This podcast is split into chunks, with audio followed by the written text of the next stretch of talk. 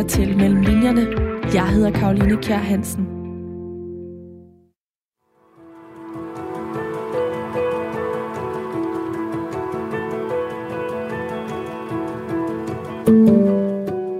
Der findes romaner, som er ren underholdning. De består af harmløse handlingsforløb, som hensætter læseren til en anden tid eller til et helt andet univers. Romaner, som man uden frygt kan flygte ind i, og som udelukkende er skrevet med henblik på nydelse. Men så findes der også romaner, hvor der er noget mere, eller i hvert fald noget andet på spil. Romaner, som rummer en bestemt holdning til et bestemt emne. Romaner, som provokerer, hvor tingene bliver sat på spidsen, og hvor, hvis der ikke allerede var en debat, som de kan puste lidt øh, til ilden i, så i gang sætter de i hvert fald en. Sådan en roman skal det handle om her i Mellemlinjerne i dag. I denne uge er romanen Inderkredsen nemlig udkommet, og den puster ild til debatten om lav- og finkultur, og den langer ud efter den danske anmelderkorps inden for litteraturscenen. Inderkredsen er en satirisk roman og tegner et billede af en gruppe anmeldere fra universitetet, som ikke engang læser de bøger, de anmelder. De er amoralske og favoriserer udvalgte forfattere. Det er i den grad en debatskabende roman, og det er den roman, jeg i dag dykker ned mellem linjerne i. Velkommen til alle jer, der lytter med derude. Det er programmet mellem linjerne, som I har i jeres ører, og det er programmet her på Radio 4, hvor jeg taler med nogle af Danmarks væsentligste forfattere om alle de forberedelser og oplevelser, der ligger mellem linjerne i deres bøger. Altså al den research, der ligger mellem linjerne i bøgerne.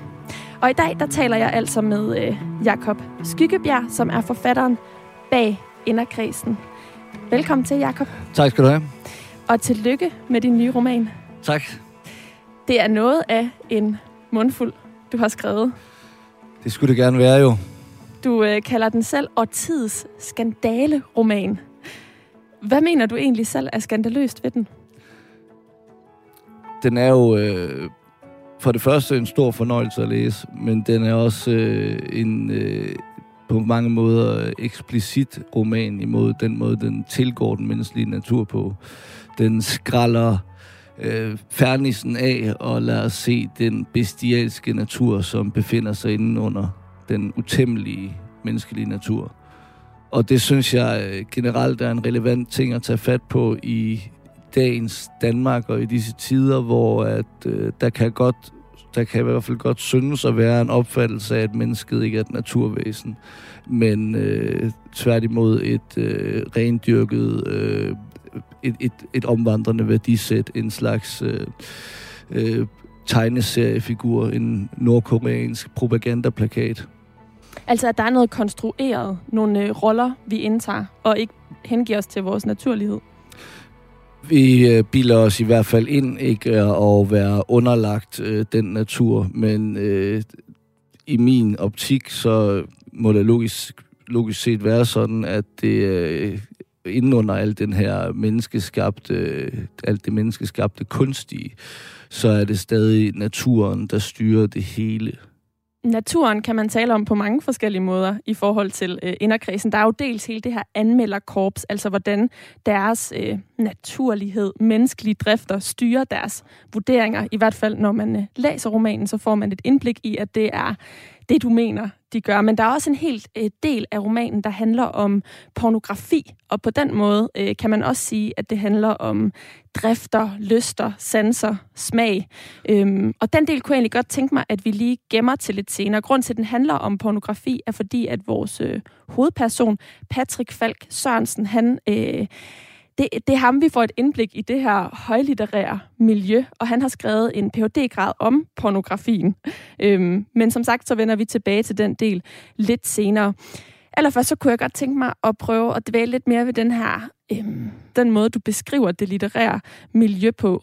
Vil du prøve at sige lidt mere om, hvad for et billede du selv synes, du tegner af det danske anmelderkorps inden for litteraturscenen? Jamen, det er igen det her med at skralde Fernissen væk. Det er jo øh, i, i, den, i de her øh, dele af bogen er det jo øh, en satire, og klart en satire. Og satirens øh, potentiale ligger i, at den kan øh, tage tingene og, og fremstille dem i, i en anden belysning, som gør det mere klart, øh, hvor, hvor, hvordan tingene øh, foregår. Og, og det er klart, det kan, det kan man måske øh, finde lidt offensivt, men det er også ganske, ganske morsomt. Og øh, vi kan jo betragte øh, de her øh, litteraturkritikere og se på, altså det, det er jo sådan en slags, øh, det er jo sådan en slags elite, en kulturelite. Ja, i hvert fald en del af kultureliten. Ja, og, og, øh, og er, øh, er ligesom øh, blinde over for den, øh, den måde, de eksekverer deres egen position på. Og øh, i, i det her tilfælde tager vi så øh, udgangspunkt i litteraturvidenskab på Københavns Universitet, hvor man kan sige, øh, Øh, situationen i romanen er den, at øh, vi har en øh, anmelder ved information, som hedder Tusse, øh, som har udlært en anmelder ved politikken, som hedder Steffen, og en anmelder ved Jyllandsposten, som hedder Patrick, hovedpersonen. Og de her tre mennesker, plus det løse øh, vedhæng, der udgør resten af inderkredsen, og øh, de mere sådan satellitstationerne i inderkredsen i form af redaktørerne ved de forskellige dagblade, øh, er, er jo ligesom en krop i og med, at de er en vennekreds. Og øh, der, så virkeligheden er jo, i, ude i, i, i virkeligheden, så er, så, så, så er de enige omkring de ting, de anmelder. Fuldstændig enige. Det kan du gå på, på anmeldelsesaggregatoren bog.nu. Det er ikke en side, jeg er glad for at gøre reklame for, for det er en rigtig lorteside, undskyld udtrykket. Men, øh, men der kan du gå ind og se, hvis du vil undersøge, om, om det har nogen hold i virkeligheden, så kan du se, at de her øh, netværk er øh, rørende, slående enige omkring, øh, hvad en bog skal, hvad en bog er værd. Og så, og så er det jo en, øh, og så opstår der jo sådan en, en, falsk, øh, en falsk vurdering, når det den, reelt set er den samme krop, i visse tilfælde er den samme krop, der sidder øh, og, og, og anmelder øh, bøgerne ved de forskellige dagblade. Øh, fordi det er, der taler om det her trekløver, eller et, et femkløver, eller hvad man skal kalde det. Øhm, og, øh, og, og, og det, det, det går både positivt og negativt, fordi hvis øh, Tusse fra Information så synes, at en forfatter er dejlig, øh, så lærer han øh, sine elever på litteraturvidenskab, at forfatteren er dejlig, og så når de kommer ud og skal anmelde, så, så, så, så, er de jo, så har de lært at Tusse, hvad de skal mene. Øh, og det er så det, vi eksemplificerer igen den her øh, nogle steder lidt grovkornede satire, hvor, det, altså, hvor de helt øh, reelt har en øh, sådan en mafiosi øh, virksomhed kørende, hvor, hvor at øh, Tusses vilje ske. Meget fint sagt. Jeg synes, at vi lige skal øh, høre en, øh, en passage, der illustrerer det, som du forklarer her, bare så vi er sikre på, at alle lytterne de lige er, er med. Jeg har øh, markeret her, du må gerne lige fortælle lytterne, hvor, øh, hvor vi er, fordi altså, vi skal også understrege, at Patrick, vores hovedperson, han er jo ny i det her netværk, eller hvad vi nu skal kalde det, den her mafioso, som du kalder den. Øh, han har lige fået sin Ph.D. og, og skal til at anmelde sin første øh, bog, og så bliver han inviteret med til den her bøfaften og skal sådan have at vide, hvordan man anmelder, og det er altså ikke... Jamen, det er ikke nogen gode råd, han får, hvis man skal sidde øh, som, øh, som en uvildig person. Øh, eksempelvis, hvor han er vide, at han på forhånd skal, skal bedømme øh, vurderingen, før at han læser den, og egentlig så behøver han ikke rigtig at læse den. Men til den her bøfaften, der, kom, der går diskussionen vidt for sig. Ja, og nu har han lige øh, spurgt dem, øh, fordi han er, han er blevet lidt travlt. De har givet ham en opgave med at skrive et debatindlæg, der skal fælde forskningsministeren. Øh, og, og derfor så har han, har han ikke tid til at lave sin anmeldelse. Så han, men så har Tusse sagt, sådan, bare rolig i aften til bøfaften, så skal vi nok fortælle dig, hvordan man ledet. Så han har bedt om dem nogle tips til, hvordan man an, griber anmelderiets lod an. Jeg anmelder med pikken, sagde Carsten. Ja, det er faktisk en fin måde at illustrere det på. Vi er jordiske væsener, der har behov for at formere os. Alt, hvad vi foretager os, bunder i sidste ende i, at vi gerne vil have fisse. Sådan er det. Det allerførste, man ser, er jo, om der står Hans eller Grete på omslaget. Det lyder måske ufint, men det første, man ser, er jo omslaget. Og derfor holder det sig altså ikke anderledes, end det gør med mennesker, eller alle mulige andre ting for den sags skyld. Vi danner vores holdning ved første øjekast. Det kaldes for kognitiv bias. Du har nok hørt lidt om det på det seneste. Vi har alle sammen holdninger til alt omkring os alt. Det er sådan, vi mennesker fungerer. Det er den måde, vi navigerer i verden på. Det er vores natur, og det er nogle gange stadig den, der styrer os, selvom vi måske bilder os noget andet ind efterhånden, som vi mere og mere lader den manipulere af diverse teknologier. For eksempel bogforsider. Alting, vi sanser, udløser følelser i os, som i udgangspunktet er ubevidste. Og disse følelser fører til handlinger. Og surprise, det gælder altså også for sådan nogle knæstørre litteraturterper som os, som man ellers bilder sig ind ikke har øjne for andet end objektive fakta. Det er følelserne først. Er der en sko på omslaget? Er det et amatørforlag? Eller er der et eller andet hula-bula-navn? Jamen, så siger vi ad og bader, eller ulala, inden vi åbner og giver os til at lede efter det, vi forventer. We don't experience the world. We experience our expectations of the world. Siri Hustvedt, The Sorrows of an American. det var nok. Det var det. Tak, Jakob Skikkebjerg. Hold da op. Hvorfor læser du det sådan? Det skyldes, at jeg øh, gennem, specielt gennem den seneste redigeringsproces har siddet, altså det er noget, jeg bruger, det er at læse teksten højt for mig selv, for at ligesom få alle knasterne med. Hvis der er en eller anden lille splint, der skal væk, så mærker jeg det, hvis jeg læser teksten højt. Og i den forbindelse, så er der opstået de her stemmer, som karaktererne har, specielt Tusse, og den, det er umuligt for mig at læse det. Hvis jeg, hvis jeg havde forsøgt at, at, at læse uden Tusses øh, stemme, så, så, var den, så havde den lige så stille vandret ind undervejs. Så jeg synes bare, man, man, man skal tage, tage det med. Det hører med til bogen, øh, hvis man læser højt fra den. Og nu fik du også lige formidlet til lytterne, at du faktisk også er skuespiller, og udover at være skuespiller, så er du også rapper. Du rapper under kunstnernavnet Skyg, og så har du så udgivet det her. Det er din 8. bog. Øh, du debuterede tilbage i øh, 2013. Så, øh, jeg kan du... ikke huske, hvilket nummer det er. Jeg kan aldrig huske det, så... Jeg har, jeg, har talt, jeg har talt sammen til, at det må blive den 8. Men, øh, men du er i hvert fald et... Øh, flertydigt øh, menneske, øh, som det kommer til udtryk her. Og det er jo egentlig modsat, det er nogle meget sådan entydige mennesker, du tegner frem i det her anmelderkorps. Øh, allerede nu, der er romanen blevet kaldt en nøgleroman, det vil sige, at man mener, at den har udgangspunkt i faktiske begivenheder og indeholder karakterer, der er baseret på faktiske personer. Og hvis man er fra det litterære miljø, som, som eksempelvis jeg er, og du er, men hvis man også bare er velbevandret inden for den litterære scene, så vil man også kunne øh, tyde nogle af de her anmelderkarakterer, øh, altså tænke over, hvem der kunne være hvem i den virkelige, øh, i dagens Danmark i dag. Der er så også det faktum, at du også nævner mange forfattere, altså nu levende forfattere, og dem nævner du øh, ved navn, men anmelderne har du ændret øh, navnet på. Men det kan jo næsten lyde sådan lidt som en konspirationsteori, altså hvordan det her litterære netværk hænger sammen. Øh, hvor meget har du rent faktisk grebet til, øh, til virkeligheden? Altså, øh Altså, jeg, jeg, jeg, jeg er ret sikker på, at det stemmer ret fint overens med virkeligheden. Det kan godt være, at vi, altså, som sagt, så skruer vi op for, for kontrasten i, øhm, i forhold til selve, selve de her karakterer, fordi jeg synes, det, det, det, er, det er jo først og fremmest en satire. Det er et øh, ganske lille fortal af den danske befolkning, som vil øh, genkende de mennesker, som de her karakterer øjensynligt delvist er baseret på. Og hvis man kender de mennesker i virkeligheden, så ved man også, at hvis man tænker, Tusse, jamen det er nok baseret på ham der. Og hvis man så kender ham der, så øh, vil man ikke kunne genkende Tusse i ham. Fordi at karakteren er så langt fra, altså i deres øh, habitus, så langt fra disse, øh, de, de her øh, mennesker, som ligesom danner forlæg for dem.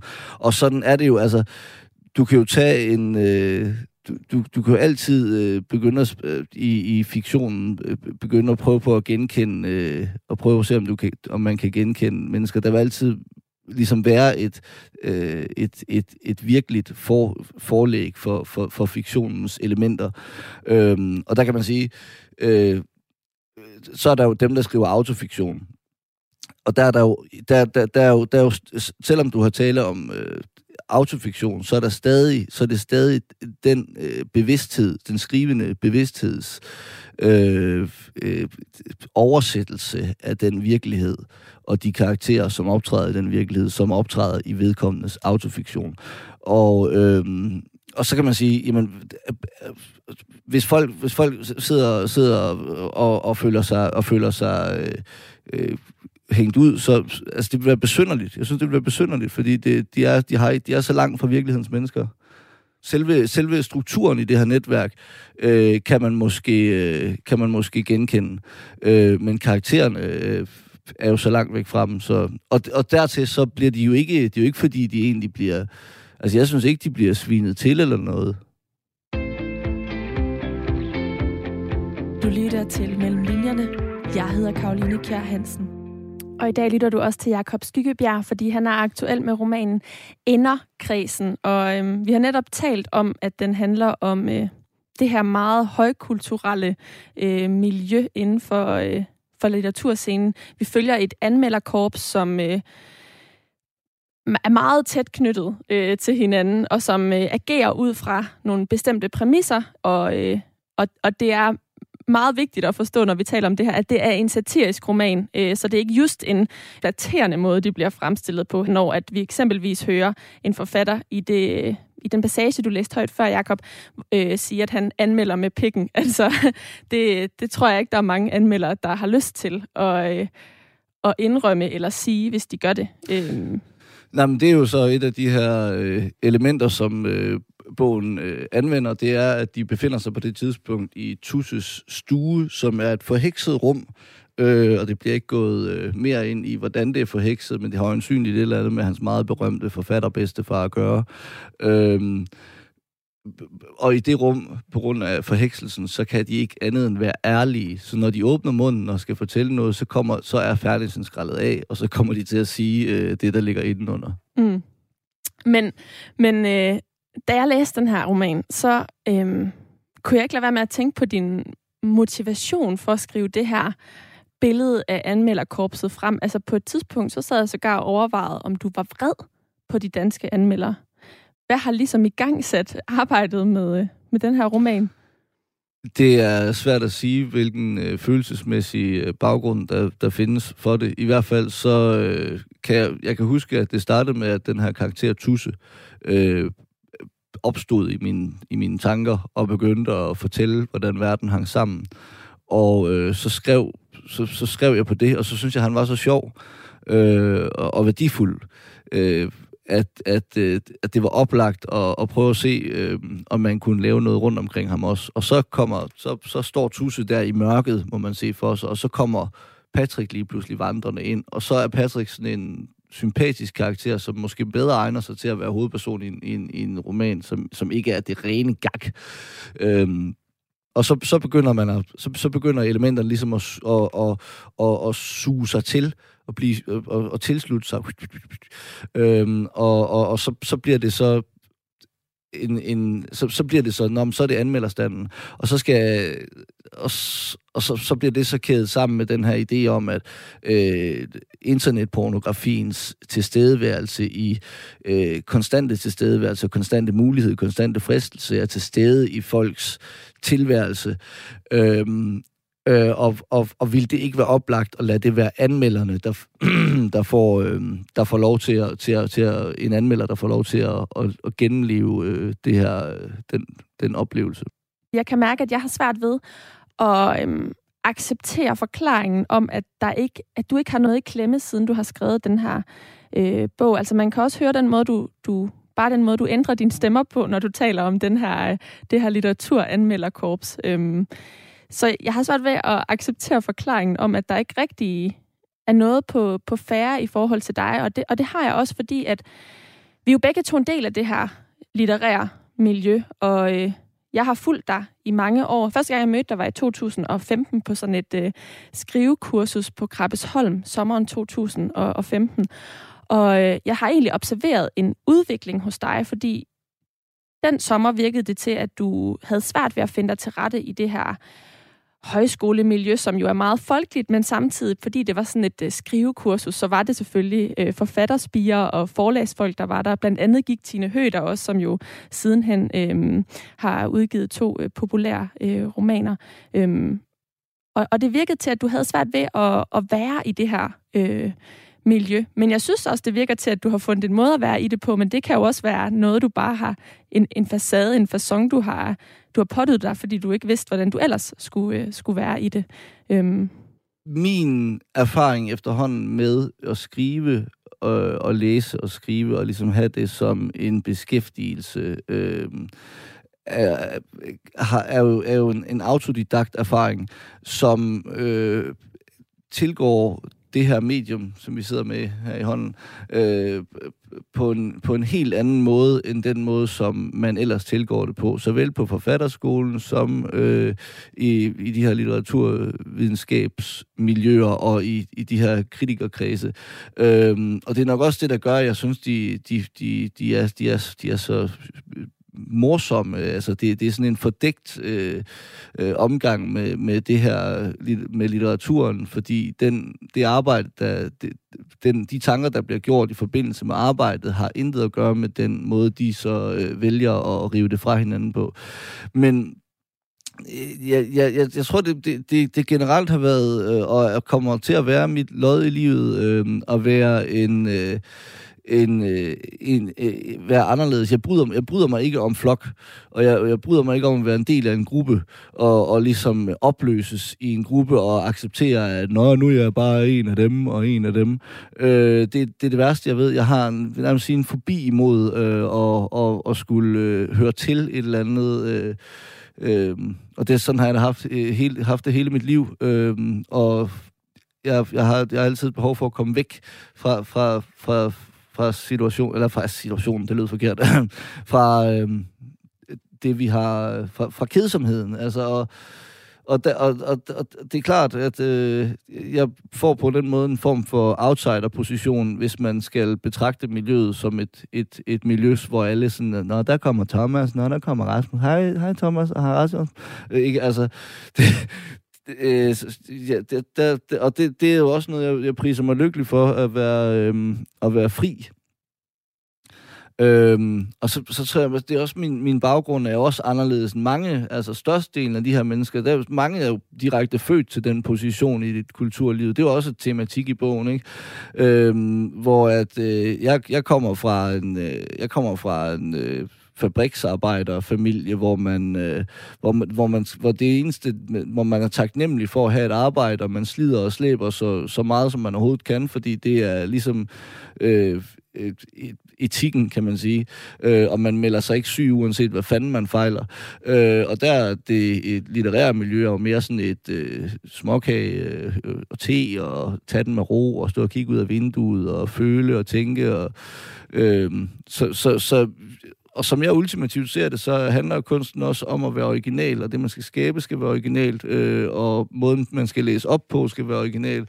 Øh, det er originalitet, der, der gør øh, identiteten. Og... Øh, og, og der, der er litteraturmiljøet jo nærmere sådan en slags øh, flødeskum øh, af, af partikler, der, der tilsammen udgør et hele, som, øh, og der kan man sige, der er sådan en chokoladeknap, der ligger i flødeskummen. det var da et meget sødt billede. Eller? Ja. ja, jeg kan godt. ja.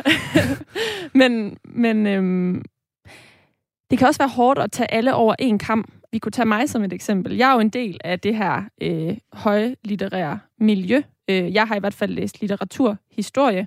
Øh, jeg har ikke nogen forældre inden for branchen. Øh, så, så jeg kan mærke, at mens jeg køber ind på din satiriske skildring og, og, og finder den morsom, så kan jeg også øh, ind i mig tænke, åh, kunne vi ikke snart nedbryde de der forestillinger om, at fordi at man, man har en, en øh, position, øh, så har man, er man født til den. Altså, øh, kunne vi ikke nedbryde forestillingen om, øh, at fordi man har læst litteraturhistorie, så mener man, der er bestemte værker at læse. De faste lyttere af mit program her vil vide, at jeg har øh, litteratur med af en hvilken som helst art. Det er alt fra faglitteratur til digte, til krimier, til, til din roman her. Øhm, så du, du trykker også på nogle knapper hos mig i den her skildring, som gør, at jeg vil gerne vi sådan skulle, skulle prøve at kunne gøre op med det, samtidig med, at jeg ved, at det kan være svært at gøre. Øhm, men jeg synes ikke, det, det fordrer, at vi bliver ved med at, at optegne de forskelle, øh, der kan være øh, mellem dem, der har læst litteraturhistorie eller ej. For jeg betragter mig sådan set som en, øh, en relativt øh, alsidig og øh, almindelig læser. Men det kan være, at du betragter det anderledes. Altså, det er jo, øh, det er jo klart, at det vil jeg helt klart også øh, helst øh, øh, undvære, øh, at vi skal betragte hinanden med, med alle mulige fordomme. Nu er fordommene jo øh, selve det, der, det, der får os til at fungere som mennesker. Men øh, men, men det er jo også bare sådan, at man er, øh, hvis man er opflasket med sociale koder, øh, så er det svært i et øh, miljø, som øh, er, er, fungerer på en måde at komme, at komme ud fra. Der mener jeg ikke, det er en menneskeret at, at skulle have lov til at komme ind i et fremmed miljø og, og, og blive øh, optaget som velkommen der. Men øh, kan man øh, begå sig og gebærde sig, som jeg for eksempel gør, på sin egen måde, og så øh, øh, klare sig, så må man stå en frit for at, at gøre det og være der. Men jeg holder meget af øh, øh, personligt, som ned på et, et, et, et menneskeligt plan og i, på gaden og på fortorvet og så videre, holder jeg meget af, specielt også studerende, øh, øh, og tager meget, altså, kan virkelig, altså, kan jo godt lide, lide jer, om jeg så må sige. øhm, men, men, øh, men ja, men der, der, der er sådan nogle, øh, der, der er sådan nogle, øh, man, man, der, der, altså, man vil aldrig nogensinde kunne komme til at forstå, hvad det vil sige at, at komme fra en anden position end ens egen øh, i, i bund og grund. Så kan man sådan, man kan måske læse og lytte og sådan noget, men forstå og føle, øh, hvad det vil sige at være den anden, helt anden type væsen, end man selv er, det er, det, det, det, det er ikke muligt. Jamen, det, det vil jeg godt give dig ret i. Men din roman her, er den med til at øh, samle mennesker internt i det her miljø, eller med til at skabe mere splittelse? Den er med til at samle dem. Det er i hvert fald det, jeg kan forstå på dem, der hører om bogen, og dem, der læser den, at øh, folk i og uden for litteraturmiljøet øh, synes, den er fantastisk sjov. Øh, det er det første, de siger, hold kæft, hvor er den sjov. Øh, og så bagefter siger de, der er sko. Øh, og, så, øh, og på den måde, så, så, så er der jo mange, man kan måske godt øh, tænke sådan, hold kæft, noget svineri at skrive sådan normalt, men hvis man læser den, så vil man se, at det jo også er en, der er jo også, øh, det er jo sjovt, og det er jo, øh, og det, lige, igen, også lige i forhold til det her med, er der nogen, der ligesom kan føle sig karikeret, men det er jo, det er jo, det er jo også i en, i en slags anerkendelse af, af, af deres øh, virkelighed og, og dem. Øhm.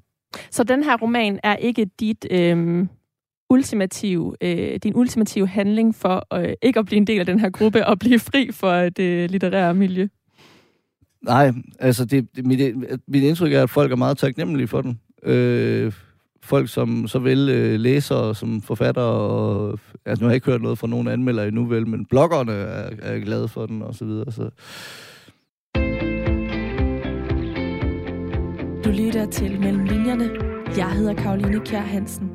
Og det lytter du til her på Radio 4, hvor min gæst i dag er Jakob Skyggebjerg. Lad os dvæle lidt ved det her pornografiske spor, som romanen også har. Fordi der er dels det her anmelderspor, og så er der pornografisporet. Øh, og de to ting bliver så knyttet sammen i løbet af, af romanens handling. Øhm, jeg har fundet en scene, du gerne må læse højt. Øhm. Ja. Jeg glæder mig til at se, hvad det er for en. Ja. En af de lidt mere juicy. Hele romanen i gang sættes med sådan et, et langt akademisk skrift om, øh, om pornografi, og da jeg læste, så tænkte jeg, oh my god, skal, er hele romanen skrevet det sprog, fordi det netop er akademia, men det er så fordi, at Patrick, vores hovedperson, arbejder på den her artikel om pornografi, og det er fordi, han har bestået sin Ph.D. om pornografi. Øhm, men jeg har valgt en scene, som øh, er fra, øh, fra sådan øh, handlingssporet i romanen det er bogens anden del, begyndelsen af bogens anden del, hvor at øh, Patrick vågner øh, om natten øh, og øh, kommer til at få lyst til at se porno. Kommer og, til at få lyst til. ja, ja og, så, øh, og så ligger hans kone øh, ved siden af ham og sover. Øh, og, og han kan ikke... Øh, og han, og han har det sådan, nå, nu, nu har han endelig fred for hende. Hun, hun sover, øh, så nu kan, jeg, nu kan jeg endelig være lidt alene. Patrick og Karens hjem var selvfølgelig et af de her ugæstfrie, hyggelige, hvor man ikke har nogen nøgle i låsen på toilettet. Sådan var det blevet. Sådan havde det været fra starten, da de flyttede ind, og der ikke var nogen nøgle, og det var ikke noget, de nogensinde havde talt om var vel ikke noget, man talte om. En nøgle i toiletdøren, det hørte givetvis ikke til i et hjem som deres, når der ikke var en. Han måtte bare være opmærksom på den mindste lyd udefra, ligesom da han var teenager og lå derhjemme på værelset. Som hans folkeskolekammerat Anders havde sagt, hvilken kropsdel bruger man mest, når man onanerer? Ørerne, for at høre, om der kommer nogen. Tanker om den tid fyldte ham altid med varme. De gamle VHS-pornofilm, han selv havde kopieret, hvor han kunne savne de bånd, når først han kom til at tænke på dem. Han havde set de samme scener så mange gange, at de var blevet som en slags virkelige bekendtskaber for ham. Flere gange med års mellemrum havde han spildt en halv time på at prøve at opstøve et digitalt rib af en af de gamle kendinge, men det lod sig ikke gøre. Han stillede sig foran vasken. Spejlet gengav hans skikkelse som et gråligt spøgelse i lyset fra telefonskærmen. Behåringen op af hans mave lignede pels. Han så på den runde mave. Han var et dyr. Hans hånd gled ned i underbukserne og trak pikken frem. Luften i badeværelset var kold om hans punkt. Han varmede den med hånden, agede og kildede den og begyndte at taste. Hvad skulle han se? Silikone gudinden fra hans tanker eksisterede ikke i virkeligheden, og han kunne ikke bruge for lang tid på at prøve at finde en, der lignede. Han måtte have et klip i hukommelsen, som kunne erstatte fantasiens kreation. Tak, Jakob Skyggebjerg. Det her pornospor, det løber altså også fra start til slut i inderkredsen, din nye roman her. Hvorfor har du valgt at kæde pornografi sammen med anmelderi øh, i den her roman? Jeg synes, at det var en interessant problematik med det her med pornografiens øh, meget øh, præsente tilstedeværelse i vores hverdag. Vi lever i en virkelighed, hvor at øh, alle mennesker helt ned til børn på 5-6 år render rundt med en øh, pornosamling i lommen, som er ubegrænset af størrelse og alsidighed. Øh, og det er, en, øh, det er en tilstand, som ikke har fandtes før. For bare 10 år siden øh, var porno stadigvæk noget, selvom internettet flød over af det, så var det stadigvæk noget, der på en eller anden måde skulle øh, købes adgang til, eller på en eller anden måde gøres et eller andet for at få, få, få adgang til, at sætte en DVD på, eller et eller andet. Men siden er der kommet de her streaming, eller øh, frie øh, tube-sider, hvor at øh, der hver dag uploades tusindvis, mange tusindvis af nye øh, pornoklip. Øhm, og det synes jeg, det har jeg længe synes var en øh, interessant situation, fordi øh, for det første, fordi der er også noget, hvor, hvor Patrick ligesom, nu snakker vi om de gamle VHS-bånd her, som han havde, der er en scene senere, hvor han kæmper og, og kæmper for at få få lavet en kopi af nogle VHS-bånd. Det er sådan nøje planlagt med, hvornår han kommer hjem fra skole i forhold til, hvornår hans forældre så kommer hjem. Øh, sådan helt, øh, ja, det er en helt sådan, øh, rejse, han skal ud på, hver gang han kommer hjem fra skole, for at kunne se, om det kan lykkes at, at spille de her VHS-bånd. Yes, og det er en tid, hvor man som mand eller dreng måtte øh, kæmpe for, og, og, og, og gladeligt kæmpede for at at få øh, det her øh, vidunderlige, som øh, pornoen er.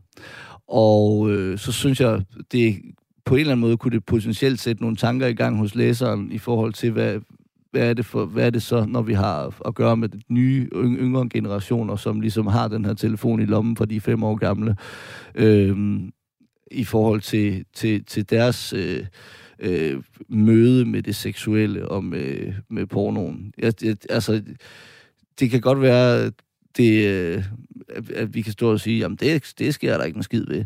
Men jeg tænker, det må have, det må have, en, øh, det må have en eller anden effekt. Men det var i hvert fald noget af det, der, der ligesom i gang satte, at øh, jeg synes, der var, en, øh, der var potentiale til en, øh, til en øh, skønlitterær fortælling.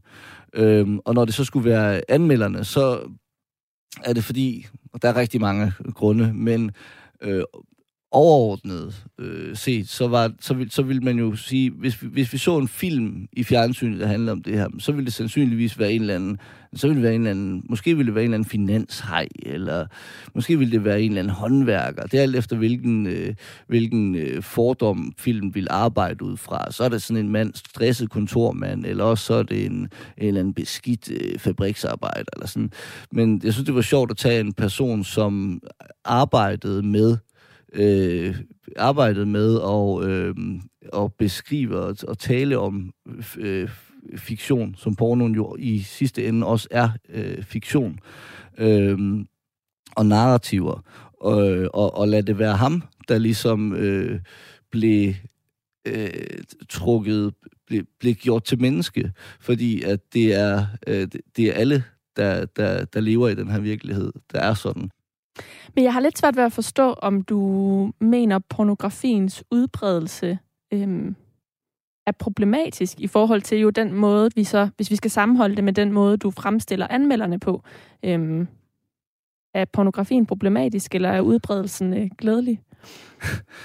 ja, det, det, det, det er sgu svært. Øh, man kan sige, det er lidt ligesom sociale medier. Jeg synes, det spejler det i sociale medier, fordi øh, jeg, jeg, jeg er ret sikker på, at verden ville være et bedre sted, hvis der ikke fandtes sociale medier. Overordnet set, så, vil, øh, så, vil, så, så bidrager de med mere dårligt end godt. Meget mere dårligt end godt. Øhm, og øh, på samme måde, så pornoen er jo fantastisk. Øh, og, øh, og det er jo helt fantastisk, at det bare er, øh, at det her udvalg, der er og så videre. Den måde, det henvender sig på til den menneskelige natur. Øh, men øh, jeg, jeg tror snarere, vi der taler om noget, som er symptomatisk for vores samfund i dag. Altså, vi bilder os ind, øh, når vores, vores verden, hvor vi er sådan og sådan, og vores samfund er så og så øh, moralsk renfærdigt, og vi er så gode, så så gode, men så ligger der stadigvæk bare øh, fri adgang til porno og prostituerede en masse, øh, lige direkte at the, at the tip of your fingers i lommen på en hver. Øh, det havde jo ikke været sådan, hvis mennesket ikke øh, ligesom havde bad om det, hvis ikke det... Havde muligt gjort det. Ja, og hvis, ja, og, og hvis, ikke det, hvis, hvis det ikke var, var en, man kan sige, en økonomi i det, hvis det ikke var henvendt sig til, til, til noget, der, til, til, til en efterspørgsel. Øhm, og, og det, det, er, det, det er ret sigende for, for, for mennesket, ligesom de sociale medier, og den måde, det liv, der leves på de sociale medier, er meget sigende for, for mennesket og dets natur. Øhm, og det er, sådan, det er sådan set i sidste ende, det som bogen handler om, det er de her, øh, det er det, fortrinsvis det digitales øh, sammensmeltning og samarbejde og måde at henvende sig til og påvirke den menneskelige natur på. Mener du, at øh, anmelderiet er blevet påvirket af pornografiens udbredelse? Altså, når man, når man læser din roman her, så får man sådan hele pornografiens historie opremset, øh, og den har rødder i 1953, øh, hvor den bliver frigivet. Øh, når du nu tegner det her knap så flatterende billede af anmelderkorpset, øh, er det så fordi, at den måde, man anmelder på, har ændret sig negativt i takt med pornografiens udbredelse? Altså, vi kan jo se, der er jo, det er jo en generel erotisering af samfundet, som har fundet sted siden dengang. Øhm, det er i hvert fald, hvad jeg sådan har kunnet komme frem til i min research. Øhm, men den, øhm, den erotisering kan man jo se blandt andet i, i altså stigningen af skøn, stigningen i antallet af skønhedsoperationer. Øh, og øh, som, som, og, og kvinder, som på en eller anden måde er, er øh, underlagt en forventning fra verden øh, om, at øh, dulle sig op i en eller anden grad. Øhm, og der kan man sige, inden for, det var også det, der gør det sjovt at tage skønlitteraturen og bringe det sammen med det, fordi at man inden for øh, skønlitteraturen lader som om, at det, altså, lader som om, det er ikke noget, man går op i, men jeg vil mene, at det er noget, alle går op i, fordi at det er den virkelighed, der er, det er den øh, scenografi, der er stillet an, øh, og, og den atmosfære, der er, og den er der ikke nogen, der undgår øh, at, at, at, at blive, øh, blive, blive øh, formet af. Du lytter til Mellem Linjerne. Jeg hedder Karoline Kjær Hansen. Og i dag dykker jeg ned mellem linjerne i Inderkredsen, som udkom i torsdags. Det gør jeg sammen med forfatteren selv, Jakob Skyggebjerg. Øhm, og Jakob, nu skal vi tale lidt mere om øhm, den research, du har gjort for at kunne skrive det her øh, finkulturelle, højlitterære miljø frem, som bogen øh, skildrer på en satirisk, vel at mærke måde. Øhm, fordi med til historien hørte jo, at du... Du er selv en del af kultureliten, fordi du er forfatter, men du øh, har ikke gået på nogen øh, uddannelse, øh, højere uddannelsesinstitution i forhold til det her litteraturmiljø. Altså, nogle forfatter har gået på forfatterskolen, andre har studeret litteraturvidenskab. Jeg har selv læst litteraturhistorie på Aarhus Universitet. Men, øh, men du har ikke haft et, øh, et indblik sådan helt indefra. Øh, hvad har du gjort for at kunne, øh, kunne skildre det her øh, miljø? Jamen, øh, jeg kender jo øh, IKK, KUA og IKK Søndre Campus området derude. Øh, I København? Ja, øh, jeg, jeg har på et tidspunkt haft øh, nogle, nogle ugers øh, gang på latinstudiet derude. Øh, det har blandt andet været en del af, af fremskrivningen af de sorgfrie øh, nybegynderstuderende, der lige har fået lagt hugen af derhjemme og er blevet flyttet ind af deres forældre ind i en eller anden øh, kollegiebolig på den anden side af gaden. Ikke? Øh, men ja, der er jo, altså, det, er jo, det er jo klart, i, der er jo en vis satirisk foragt for det forkælede øh, danske menneske i, deri. Øh, og det, det kan man nok ikke se, hvis man kommer fra det. Så er man bare sådan, nå jamen, det er jo sådan, det er. Så ser man ikke det sjove i det. Øh, det er jeg slet ikke i tvivl om.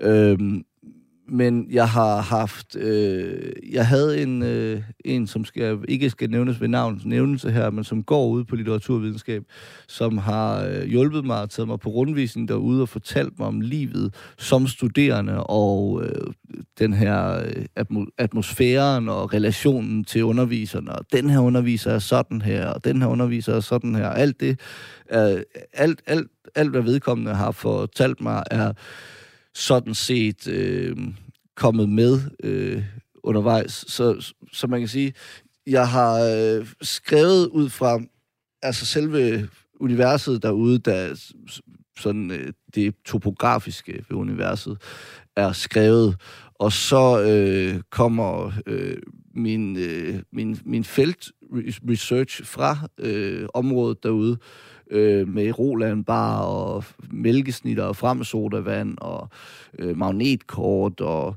det her med, at der er en underviser, der kan øh, for, forklare Kant og Heidegger, så det lyder som, at man får fortalt godnat-historie.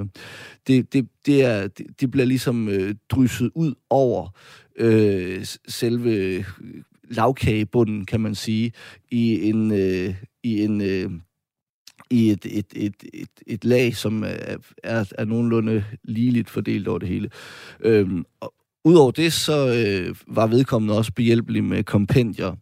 Øhm, der er blandt andet øh, interessant øh, i forhold til kompendien, øh, er der øh, et øh, anmalerikursus, som øh, Patrick selv er blevet underviser på øh, hen i bogens tredje del.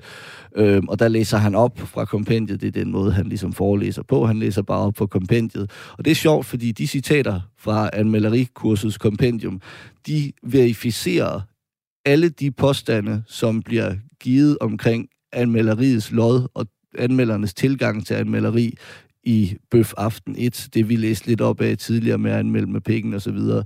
Øh, det er klart, det er ikke i samme sprog, og det er ikke i samme satiriske øh, krogkornethed, men øh, det, det, det er tværtimod i rendyrket øh, litteratur, øh, historisk, øh, akademiske vendinger. Det er John Christian Jørgensens, det danske anmaleris historie, der bliver læst op fra.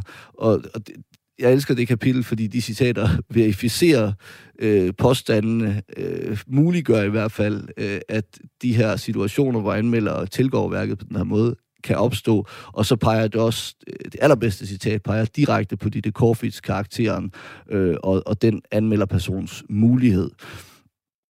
Øhm, Berlinskes anmelder, anmelder er det. Ja, det er Berlinskes. Ja hele, hele romanen centrerer sig jo om det her miljø, så jeg forestiller mig, at øh, du må have gjort meget for at øh, ligesom krydre de indtryk, du havde i, i forvejen. Men, men hvad, hvad var mest overraskende for dig i den her øh, research-del i forhold til at skrive det her meget højlitterære miljø frem? ja, ja, altså... Hvis du overhovedet, altså, du ved, fik Bela afkræftet nogle fordomme, eller lært noget nyt i processen? De var, de var så søde, de her mennesker, der var ude på litteraturvidenskab. Både, altså, så du overvejede ikke at skrive romanen, fordi det var for hårdt at skrive det frem, eller hvad? jeg, jeg fik virkelig, jeg, jeg blev virkelig sådan, ej, man, de er jo, altså, de her satiriske karakterer er så langt væk fra, fra, fra hvordan mennesker, der befolker det her litteraturvidenskabelige studium, øh, i virkeligheden er. Øh, så, så, jeg, så jeg blev sådan, øh, hvor, hvor, hvor, hvor, hvor var det uretfærdigt. Øh, og det var også blandt andet at, at, at, at studere anmaleriet som, som genre og som fag. Øh, nu havde jeg John Christian Jørgensens øh, Det danske anmaleris historie. Øh, og, og, og i det hele taget det anmalerikompendium, øh, øh, som, jeg, som jeg havde lånt der, øh, var, øh, altså det var meget interessant at se, hvordan anmaleriet øh, også havde det havde været noget, altså det, det starter med ligesom at noget, man kan kalde for recensenter, og det er en øh, meget, øh, det er en kunstform i sig selv, og, og så udvikler det sig efterhånden til at være øh, øh, kritik, og så videre til at være det, vi har i dag, som er sådan en anmeldelse, øh, hvor at øh, det, det, det, det er interessant at se, hvordan det, det har været de her, altså der, der er sådan meget, der, der er en meget, øh, meget markant forskel på for eksempel øh, de franske kritikere i starten af 1900-tallet, og så de her danske anmeldere, i, som senere, som, som, som kommer til senere. Og, øh, det, der, du, kunne jo, du kunne jo sagtens skrive øh, et hav af, af, af skønlitterære værker omkring det her, hvis ikke, du, hvis ikke det var fordi, at man fra, øh, fra den læsende offentligheds side mente, at øh, øh, skrift i det hele taget er uinteressant. Det er jo ikke kun det her miljø, som du, øh, du skriver frem. Altså det er, med til det miljø hører der også øh, mængden af referencer, som nok også er noget af det, som mange øh, har imod miljøet, eller de mennesker, der befolker miljøet, at man hele tiden refererer til nogle øh, store kendte digtere eller forfattere, og det kan gøre, at hvis man ikke kender de her forfattere, så kan man meget hurtigt... Øh, det kan være sådan et, et, et adgangskort øh, med de her referencer, og, og de referencer er bogen altså fuld af. Øh, jeg forestiller mig, at du måtte have skulle læse helt vildt mange bøger for at kunne skrive dem frem, øh, men måske Gør du bare det på egen hånd i forvejen? Ja, det, det gør jeg. Det gør jeg. Og jeg anvender jo øh, læsning som en helt essentiel del af skrivearbejdet. Det er klart, at det her det er volapyk for folk, der beskæftiger sig med litteraturvidenskab. Men som forfatter øh, og som skrivende, så er det rent faktisk sådan, at øh, jeg må oplade mit sprogcenter øh, med, med læst stof for derigennem at, at, at producere sprog. Det, det er lidt i forhold til arbejdet med mm-hmm. skriften, og det var ikke det, nu skulle vi, nu, vi skal lige tage den med citaterne mm-hmm. først. Øhm, for de her referencer, øh, det var et greb, jeg fandt på, at ville være passende for de her litteraturvidenskabsmænd, at de... Men det er jo sådan, sådan er det jo i virkeligheden. Ja, så, ja, ja, ja sådan det er jo ikke sådan, at det er bare passende, det er jo sådan, virkeligheden er. Altså, ja, øh... men det er jeg glad for at høre. Jeg, øh, jeg, jeg, jeg, jeg valgte også, men igen, øh, fordi det var sjovt, at de sådan, altså, skrue lidt op for det, så de er i stand til... Jeg, jeg sagde, okay, de her karakterer, de skal være i stand til potentielt at kunne citere hvad som helst fra hele verdenslitteraturen. Øh, og det er måske lidt overdrevet. Øh, i forhold og meget til, ambitiøst. Ja, ja. Tænker jeg også, altså, hvis jeg skal se det fra din side af. Ja, og de skulle i hvert fald kunne citere, hvis det skulle være en halv side, der skulle citere, så skulle de kunne gøre det, eller en hel side. De kunne citere et helt kapitel ordret. Men, fordi det kan jeg jo, fordi jeg sidder og skriver det, ikke? Men i hvert fald, så fik jeg den idé, og jeg var helt vild med det greb. Øhm, og, og, og det blev en beslutning, der blev truffet. Det var i det hele taget under arbejdet med inderkredsen, så var det sådan, at jeg havde sådan, alt skulle kunne lade sig gøre, fordi den også er et statement omkring, at forfatteren er almægtig i øh, det, det skrevne, i, i, i sit eget, øh, det her vivarium, som, som det er. Øhm, og, og, og, og, og så var det her et af de greb, jeg ligesom fandt på. Øh, ligesom Tusse, der siger hele tiden, og nå, og sådan noget. Men, øhm, og, øhm, øh, og så, efter jeg havde fundet på det, så, så, så vidste jeg, at jeg skulle have citater. Så øh, når jeg så læste, jeg sørgede for i den øh, periode også at læse ret alsidigt, sådan at øh, alle citaterne, altså alle citaterne, jeg så kunne fange undervejs, jeg spoler lige tilbage. Ja. Øh, efter jeg havde fundet på det, så, havde, så, så vidste jeg, at jeg skulle bruge citater, og jeg kendte jo ligesom bogens struktur øh, og handling, og mange af scenerne havde jeg jo allerede skrevet, så jeg vidste, øh, når jeg stødte på et citat i min læsning, øh, så, som, som muligvis kunne sendes ind et eller andet sted, så, så var det ret let at, at fange dem. Jeg, jeg fik sådan en slags øh, man kan sige, en fornemmelse for, at det her, det kan passe ind her og her og her i inderkredsen. Og altså man kan sige, at det her, det kulminerer jo på et tidspunkt, fordi der er den her citat duel, hvor de skal recitere øh, bøger, øhm, de her anme- det her anmelderkorps på universitetet.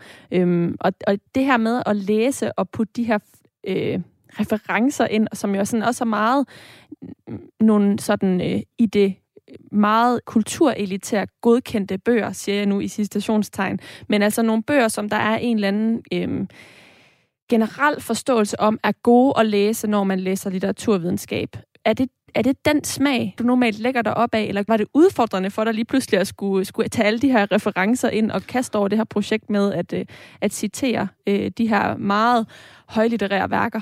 Det er måske not noget, netop noget af det, der ligesom udgør den her kløft imellem forfatteren og litteraturvidenskabsmanden, fordi jeg har det, jeg beskæftiger mig med skrift og sprog og formuleringer, øh, og den oplevelse, der ligger gemt der. Og der vil litteraturvidenskabsmænd gerne øh, skære en masse væk, øh, som udgør den samlede alsidighed, som repræsenterer litteraturen i min optik.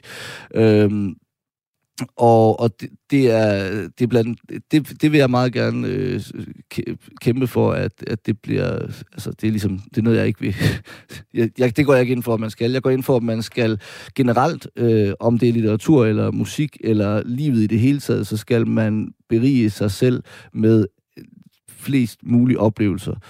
Øh, og det, det, det, det er derfor, at jeg netop... Øh, jeg, jeg læser selv helst mest muligt alsidigt, og øh, søger gerne hen i øh, former for litteratur, som øh, folk øh, rynker på næsen af. I, på litteraturvidenskab, der siger man gerne sådan, øh, Nå, læser man stadig ham? Øh, og, og, og, og lige præcis den slags litteratur, som man mener, at dem er ikke nogen, der læser længere, så vil jeg gerne læse det. Øh, og og øh, også gerne øh, for eksempel det indledende citat, øh, mottoet her, inden bogen går i gang, er fra en øh, amerikansk øh, hardboiled øh, roman, øh, som er sådan en 25 cents øh, masseproduceret, øh, det er sådan en genre, hvor man ligesom da der var behov for det, der var marked for det, så masseproducerede man de her øh, detektivromaner med sådan en genre, der hedder hardboiled, som er øh, whisky, damer, dameben, pistoler og detektivarbejde. Ikke? Øhm, så den, den, disse indledende citat er taget derfra som en, en, en direkte en pil, der peger direkte på, nu skal vi åbne os for, hvad det egentlig vil sige at læse. Og citatet, det lyder, I'd had to crawl along every seam and fold the town like a louse in a hobo's overcoat. Og det er fra Robert Turners The Girl in the Cop's Pocket. Det er så langt væk fra den her gode smag, som det kan komme.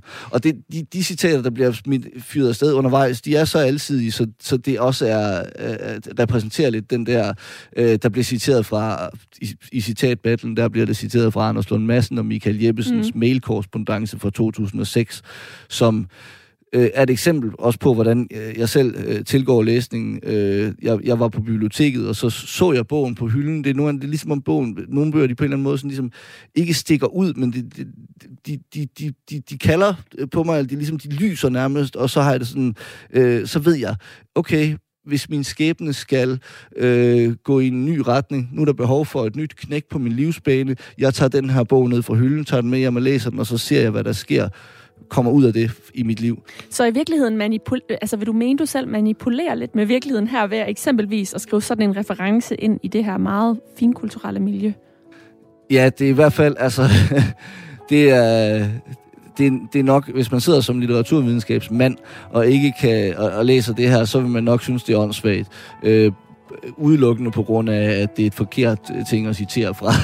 men men øh, det, det bliver, her, her bliver det sådan en måde, hvor Steffen kan, kan prale med sin, øh, sin ekstra udvidede belæsthed.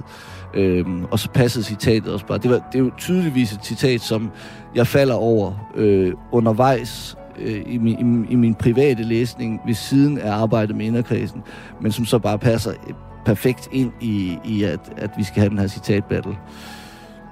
Jakob Skyggebjerg, jeg er taknemmelig for, at du ville være med her i Mellemlinjerne på Radio 4 i dag. Tak for det. Tak. Og jeg vil også sige tusind tak til dig, der har lyttet med. Det er programmet Mellem Linjerne, som du har lyttet til, og det er programmet her på Radio 4, hvor jeg taler med nogle af Danmarks væsentligste forfattere om alle de forberedelser og oplevelser, de har været ude i, før deres bøger de kunne skrives. Altså alt researcharbejde, der ligger mellem linjerne i bøgerne. Og i dag der var det arbejdet mellem linjerne i romanen Inderkredsen af Jakob Skyggebjerg, som udkom i torsdags den 2. december på forlaget Gladiator. Hvis du ikke hørt hele samtalen her, så kan du finde den i øh, det fulde længde som podcast på radio4.dk, i vores app eller der, hvor du plejer at lytte til podcast. På genhør.